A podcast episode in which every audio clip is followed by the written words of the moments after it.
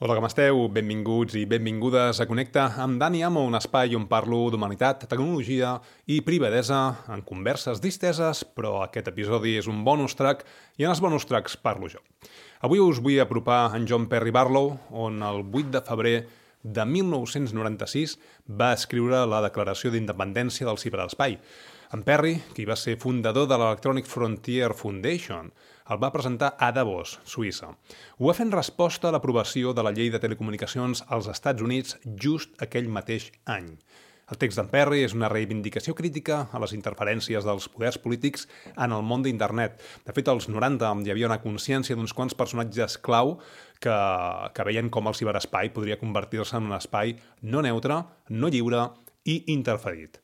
En el text, en el text d'en Perry, es defensa la idea d'un ciberespai sobirà, aquest manifest va en consonància amb el manifest Cypherpunk escrit per l'Eric Hughes al 1993. Uh, Hughes um, ho deixa molt clar quan escriu frases com hem de defensar la nostra pròpia privacitat si esperem tenir-ne, es podrien aprovar lleis en contra, però la llibertat d'expressió, encara més que la privacitat, és fonamental en una societat oberta, no volem restringir cap tipus de discurs, o la frase els cypherpunks deplorem les regulacions de la criptografia perquè l'encriptació és fonamental un acte privat.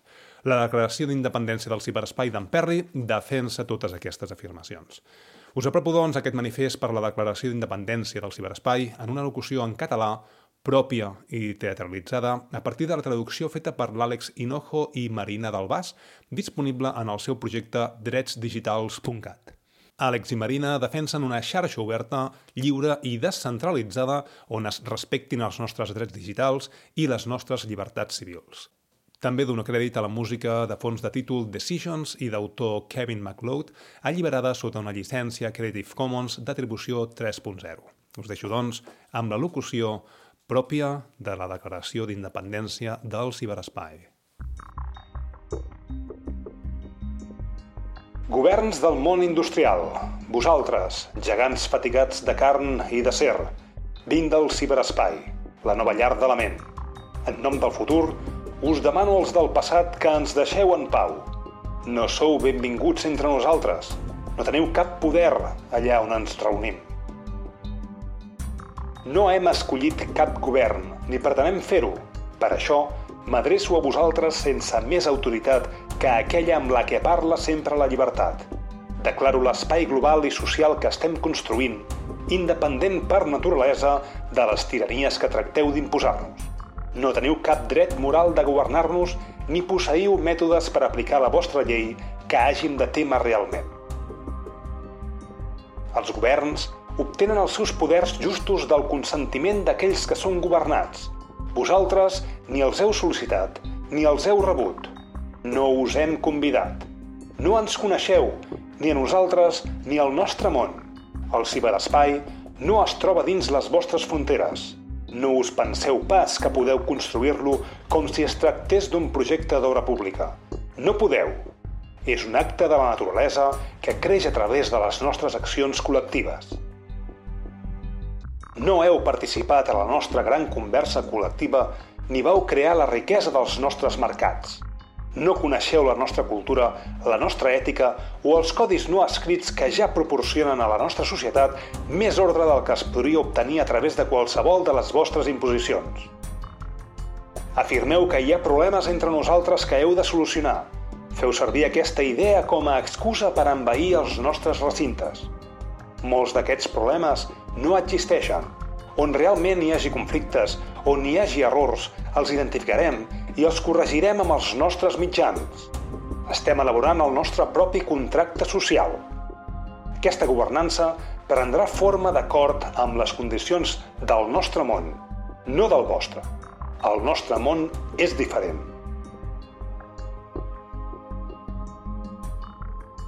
El ciberespai es compon de transaccions, relacions i pensament mateix, disposats com una ona estacionària a la taranyina de les nostres comunicacions. El nostre és un món que es troba al mateix temps a tot arreu i en lloc, però no allà on viuen els cossos.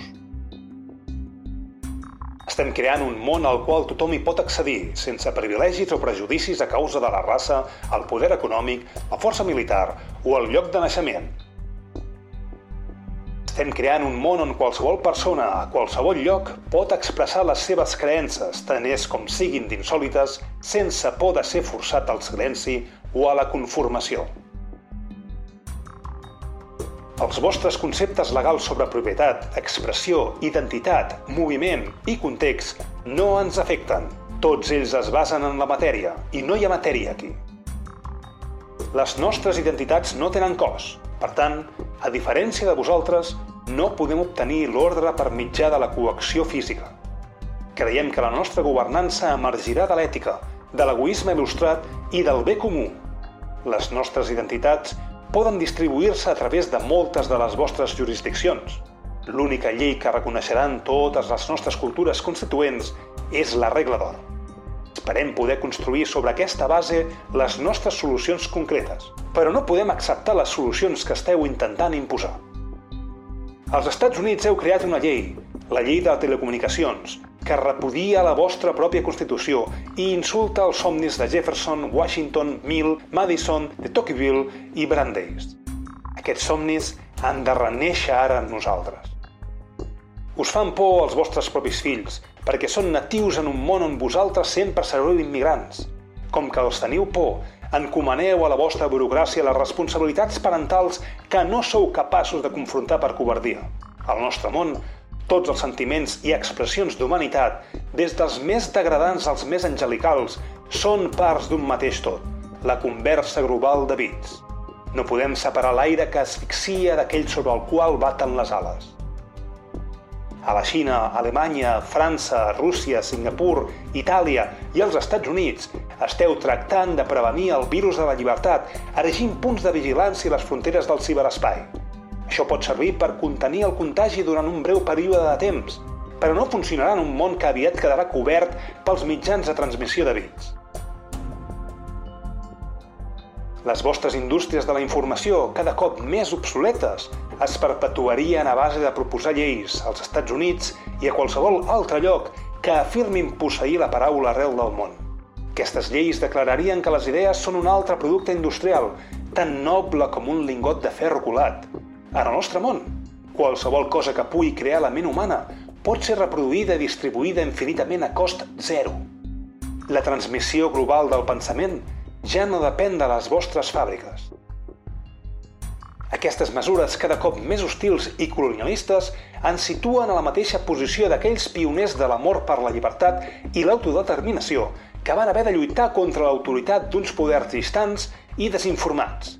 Hem de declarar els nostres jo virtuals immunes a la vostra sobirania, encara que continuem consentint el vostre poder sobre els nostres cossos.